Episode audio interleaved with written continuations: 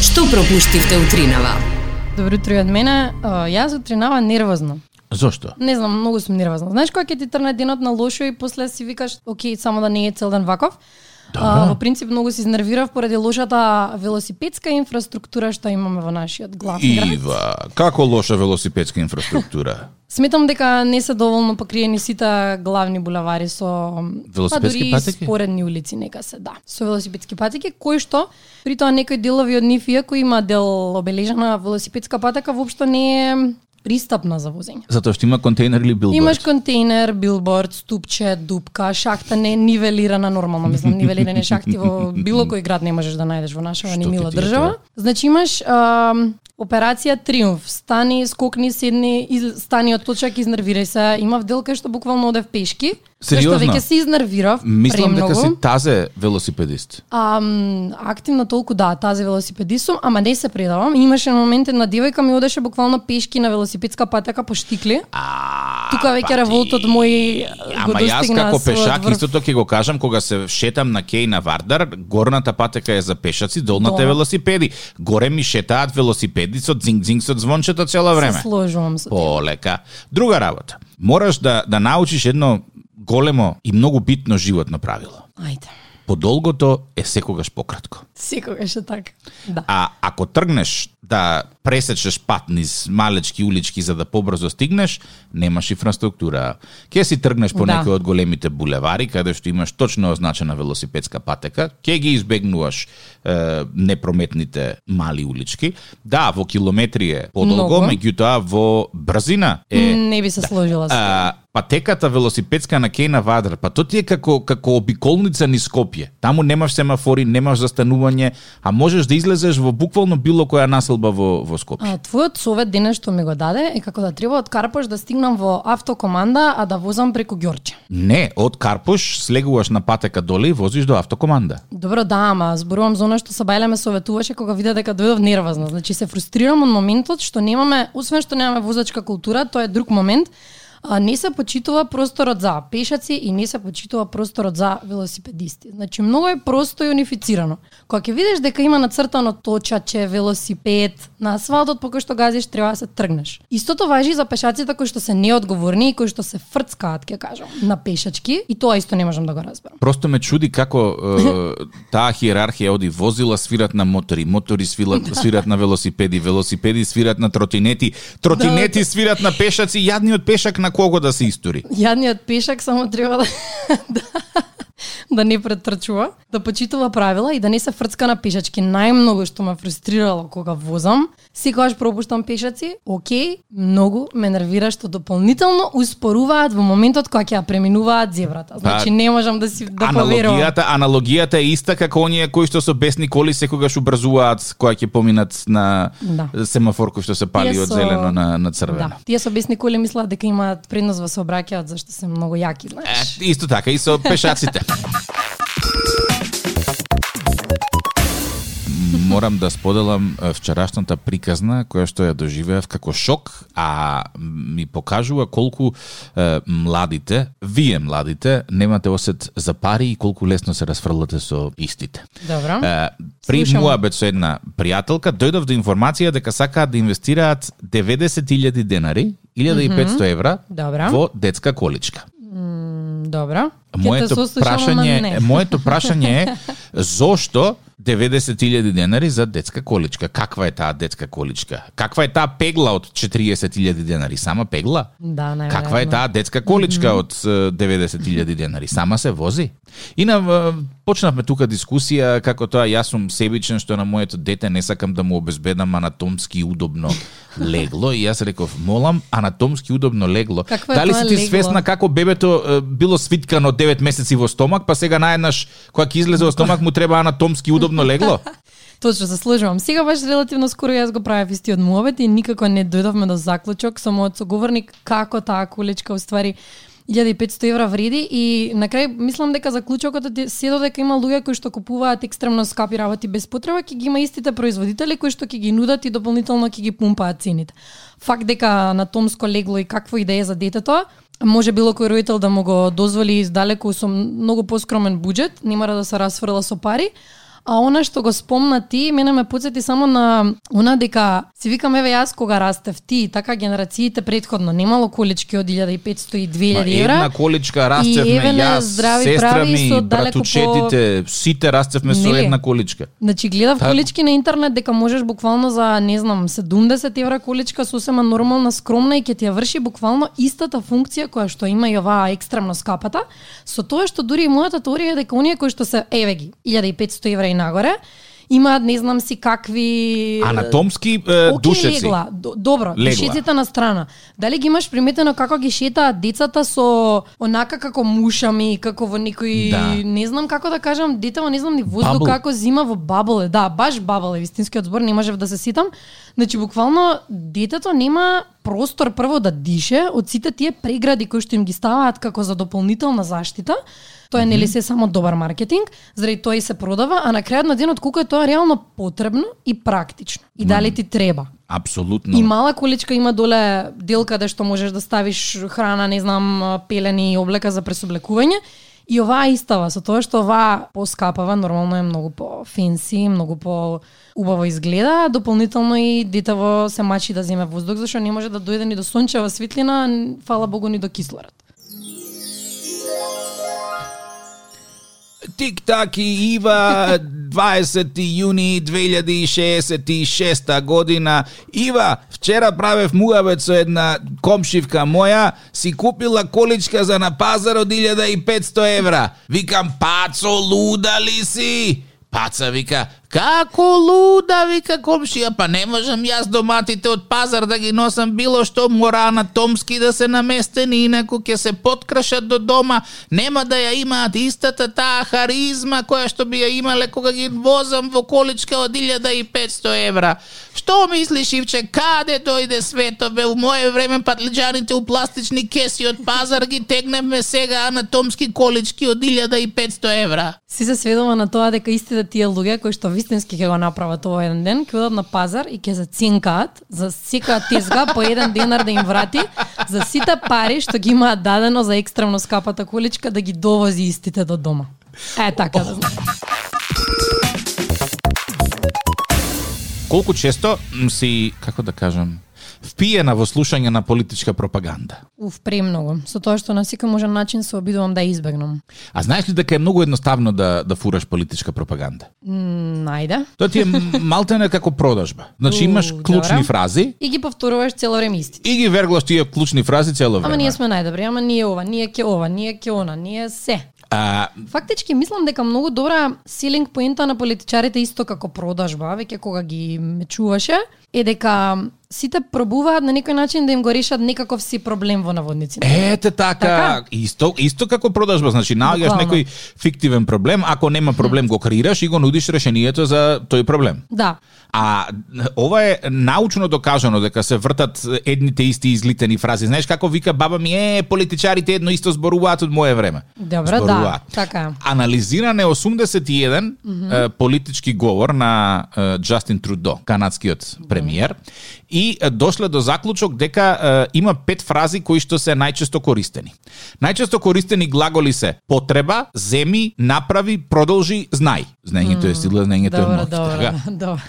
Најкористени придавки се Добра. многу, секако, безбедно, способен М, Добро. и најмногу повторувани фрази се ќе се погрижиме, ќе О, се не. движиме напред. Не може. Не може. Овде ова ова треба да биде изфрлено од секоја можна анализа. Да бидеме сите безбедни и јавно Да. здравје. Ам, уф, значи се од тоа што се кажува се коси со реалноста веднаш после изборите. Фактички ситуацијата во државата прети потоа иста, односно се влошува Со секој со нареден? секој нареден, апсолутно, со тоа што никогаш не ги разбрав, еве, можеби јас не се пронаѓам, вистински има луѓе што веруваат на тоа. И има многу луѓе што така живеат. Абе тоа ти е како да купиш да кажеме машина за перење која што е рекламирана како најдобра, Не, не, не. најбрзо суши, ја ставаш дома, пушташ првиот циклус перење, ти ги вади проџваканија лиштата. Баш така. Ама ти веруваш дека машината бидејќи е твоја, си дал пари толку, дома ти е, она е веќе дел од тебе, значи нема врска, твоите алишта се супер. на погрешен програм сум ја пуштил. Да, сум сигурно ја сгрешил, па сигурно, така да. јас со мојата машина од многу пари Ајде, која е приказката со машината? Приказната е дека како џвакани ми ги вади лиштата, кошта ги јал и пол, ама моја машина си е и сега најдов Е, еден, нели? еден програм, не знам дали е перење, ја преби го нарекал за плакнување од 40 минути, која што ги вади а лиштата суви, да кажеме, без... Мене ова ме подсеќа на минимална психоанализа кај што секој човек треба да си ја има насочен кон себе, во смисол треба да си самокритичен и свесен за некои работи дека кога ги правиш ги правиш погрешно. Еве ти е ситуацијата со машината. Жал ке Добра. ти е што си дал пари. Да, ама нема да кажеш добра ај сгрешив јас, него ќе кажеш неа бива машинова, прва следна прилика ќе гледам да ја сменам. Ма нова е. Не можам сега на тазе купено да размислувам да сменам. Сега оваа ќе си работи. Ќе штедиш до наредната. До. Не, јас ти реков, значи, открив е, еден програм на заплакнување алишта, 40 минути ги вади онака како што треба, инаку се друго над е, 40 минути што ќе остаеш внатре, излегува како не можам да ти Да. опишем, значи прочвакано. Јас имав еден таков ист, про- сличен проблем, само јас бев во другиот екстрем. А, воопшто не можев да ја исцедам, да ги исцедам алиштата од машина. Значи ги А, извадив и па тоа е лесно. Од- Да, и ги пушташ на центрифуга пак, не, не функционира. Затоа што е, запушен ти е одводот. Да. Тоа е Очигледно има лесно. многу други tips and tricks кои што треба да ги научам од тебе. Тоа е лесно, ако машината не ти ги центрифугира алиштата, Добра. тогаш е, одводот е запушен и не ја влече водата. Се што треба да направиш е да го отвориш на вратничето доле, да го извадиш филтерот и да го изфрлиш целото ѓубре. Те молам после емисија да дојдеш кај мене дома да ми го објасниш Го ова. имаш овој проблем? Го имам. Договорено.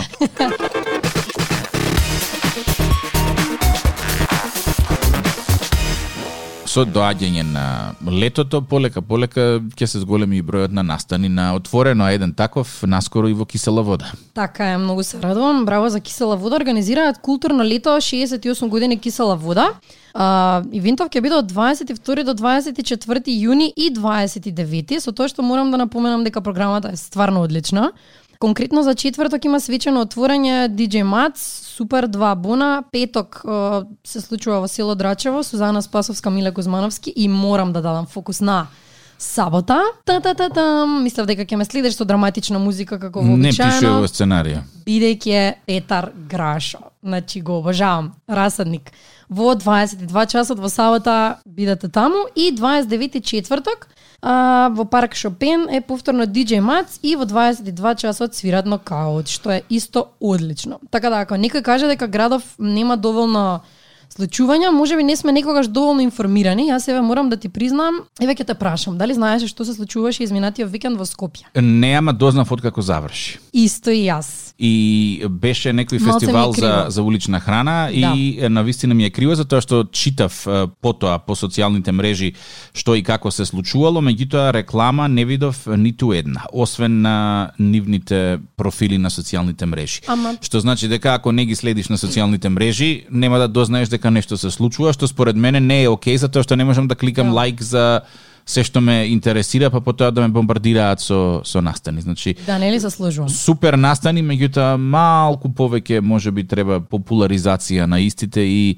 информирање на широките народни маси дека нешто такво се случува. Ова што рече не можам се да кликам дека ми се допаѓа за да ми излегуваат тие реклами, се замислив што јас кликам што ми излегуваат тотално нерелевантни реклами од тоа што го сакам. Си се Да, запрашала например, некогаш? Да, еве сега кога ти спомна. Алгоритмот многу добро учи што сакаш. И тоа пази, е, е, алгоритмот учи не што сакаш, туку што гледаш. А Да. постои огромна разлика помеѓу тоа што сакаш и тоа што гледаш. Тоа е TikTok е факт. типичен пример за тоа. Е, Може да биде многу корисен, ама ако ги гледаш оние глупите дечишта што Да. прават глупи работи, само такви работи ќе доаѓаш. Јас Да. е, во последно време на YouTube гледам некои клипови за инвестирање Добро. и почна да ми дава релевантна Такви релевантни. содржина поврзана со тоа. Кога ги гледав оние хихи ха ха ха хихи хашки ха ха хашки, само тоа ми даваш. Да тоа никогаш не разбрав како ти е смешно. Мене TikTok на пример никогаш не ми Па, воопшто TikTok, освен тоа што не е смешен, може да биде и многу сериозен доколку ги е, лайкнеш и ги следиш Вистинските, вистинските да. работи. Ама сите некако на прв клик ни е тоа хахахашката, види Да. ова. Не, нели, сега ја и ти правиме муабет и ти нема да кажеш леле види каков инвестициски е, Да. трик овдека. Да кажеш еј види ова што направи детево. Каква глупост. Добро да, зашто има малку И никој подруг не споредува начини за за инвестиција и турање пари во берзи Ама на Инстаграм, многу е туку различен начинот на комуникација. Кога сакам да ти не знам, да ти направам некој таков мобет, ќе ти го пратам рилот или клипот и ќе ти искоментирам нешто или ќе цеам види. А вие што се као за мајтап, не знам, Е, ама алгоритмот Да, ти алгоритмот дава не па- Да. она што најмногу го кликаш, алгоритмот не знае мајтап или не мајтап, така да е, она што гледате тоа ќе ви се сервира. Ако гледате нешто корисно ќе добиете корисни информации. Да, многу ме замисли што имам лајкнувано порано заради тоа што никогаш стварно ми излегуваат. Во принцип да, цело време ми излегуваат недвижности, ама зашто тоа време цело време го читам, го барам и ми интересира. Од друга страна, TikTok како апликација и како како и да ја наречам. Имаш ни- TikTok? Немам и никогаш Добро. нема да имам. Значи веруј ми, а, колку и да еве не знам ти колку пати си ми праќал некои такви хехенца, што се пресмешки да не речам, и окей, ќе го гледам, ама не ми е А не, ова не е смешно. Многу време губиме на тоа, сакам да кажам. Знаеш, мене ме нервира дури и моментот дека Инстаграм веќе станува во тој фазон, веќе не се постираат толку слики и добро видеа, се е рилс и која буквално имам другарка што седи и цел ден го поминува на гледање рилс, као не. Бе, добро де, што правиш гледам телевизија, што правиш гледам Инстаграм. Добро, ама гледам Инстаграм, премина во гледам Рилс, као мене не знам, м, мислам дека тоа пак е и многу лично бидејќи јас например немам трпение толку долго да гледам клип воопшто. Или да ми излезе некој рил, да, да е некој говор, што ви кажа да е нешто за инвестиција. Океј, имам следам стварно некои такви бизнис профили што се многу интересни. Ама да е од едукативен аспект, да, или за животни, прифаќам. Се што е друго нешто, без врска или правење шега на собствена сметка или некоја хехенце, воопшто. Као одма скип, скип, скип.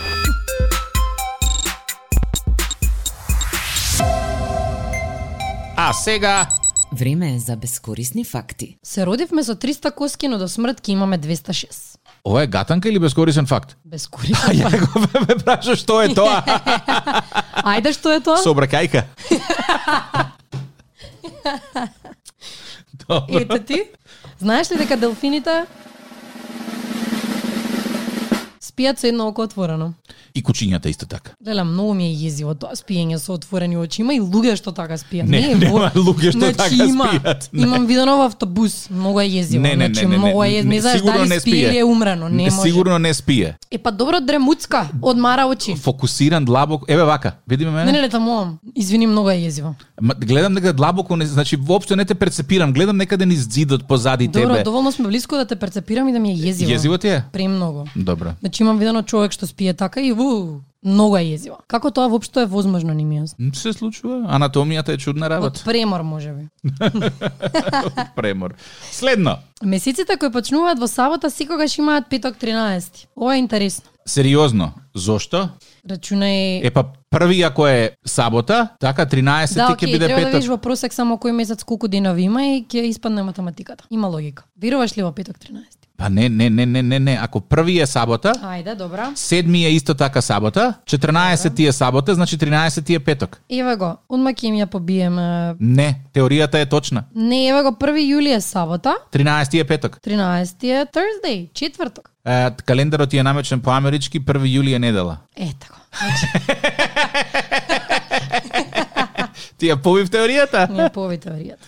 Значи, математика ива. Добра. 1 јули, Добро. Не, не, има логика, 7 апсолутно. јули сабота, 14 јули сабота, 13 јули петок. 1 август сабота, 7 август сабота, 14 август сабота, 13 август петок. Петок. Има логика. Не, не, окей, така. е. Човекот учи тоа дека е жив. Ова не го Така. знаев, али ова е многу добар кон- кон- кон- conversation starter. Conversation стартер е колку може проблеми да си направиш себе и на светот ако имаш комплекси. Би го врзала со следниот Добра. факт. Сакаш е, Сакам. Сакам. Leno, leno, lenče, mamino devojče, tetina galenica, vidi mi svršenica. Sve što sakaš lenče, tebe ke ti dadam, to si da ti miluvam, nagradi da te uspivam. Мала Адолф пауза. Хитлер бил вегетаријанец и имал само еден тестис. Сериозно? Од каде фрустрацијата да го освои светот? Exactly, значи, да. Сакаш да кажеш? Само сакав тоа да го кажам, ама да, буквално тоа го помислив. А, ме наведе да мислам за луѓе што се полни со комплекси како се однесуваат. Добро, и какви се биолошки е, фалинки имаат? Многу. Добро. И последниот за денеска. Поголемиот дел од прашината во секоја куќа се состои од мртва кожа, што не важи за Скопје, бидејќи сме полни во прашина.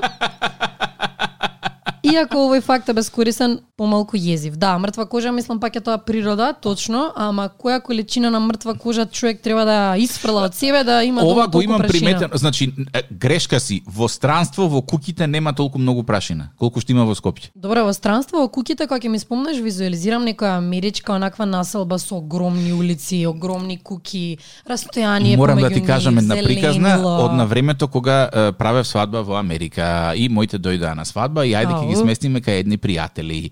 И тоа е една огромна куќа со 10 спални и со 9 вецинја, значи огромно, огромно. И е, првиот ден од како преспаа таму една вечер, мајка ми коментира: "Леле, цела куќа полна име со пајажини." Викам, па добро, ти знаеш колку работа треба да исчистиш толкава куќа од пајажина, као пајажина, пајажина. Ау, па јас да викнам гости кај нас и да има Нема пајажина и шанс. прашина, па нема шанс. Па викам, гледаш, овие американци не се замараат. замараат, да. Воопшто со тоа, ти тука ти доаѓаат гости риба и чисти, прашина да не има, случајно. Добро утро, со гатанката твоја ќе ја запечатиш судбината моја. Ова се обидувам да звучам како оние од Survivor, ама некако не сум баш убеден дека сум најглавниот фактор. И доволно 0-0 е фит. резултатот. И Не. доволно што? Фит. А, не со тие куршуми, сестро. Добро, вчера ме поби. А може да почнам? Може. Многу интересна гатанка. Добро, чекам. Црно тури, а црвено извади. Црно тури, црвено извади. извади. Црно тури, црвено извади. Многу ми е полесно да поставувам. А, отколку да одговарам. ковано железо? Да. Браво.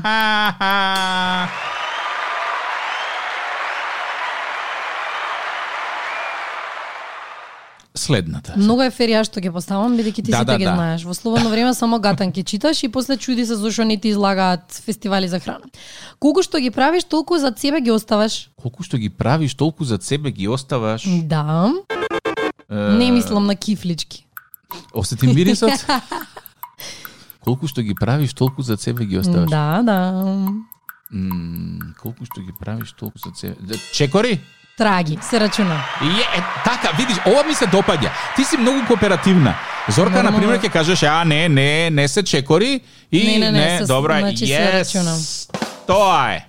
Е, па те Ам, победив. Па добро, ние не се надпреваруваме, јас те А, не се поставам надпреваруваме? прашања ти ми. Да, Па па, не, вчера па те кој е- победив 100-0, мислам. Па нема која е сега тука, ка- реванш. каде е инцентивизацијата тука од моја страна да ги погагам гатанкиве? Не, само што ова и после ќе губам јас. Ајде, Морам ајде. оваа ти ја кажам. Можем? Може. Шарена, шарена, со рака не се фаќа. А, па тоа е лесно. Ајде. Па тоа е змија. Браво! Па, Е, сега, почитувани слушатели, може да заклучиме дека е 1-1. а сега дури еден еден, добро. Нека биде по Една твое. моја погодена гатанка и колку таму, 4 ти да погодиш, е еднакво. Нај... Добро.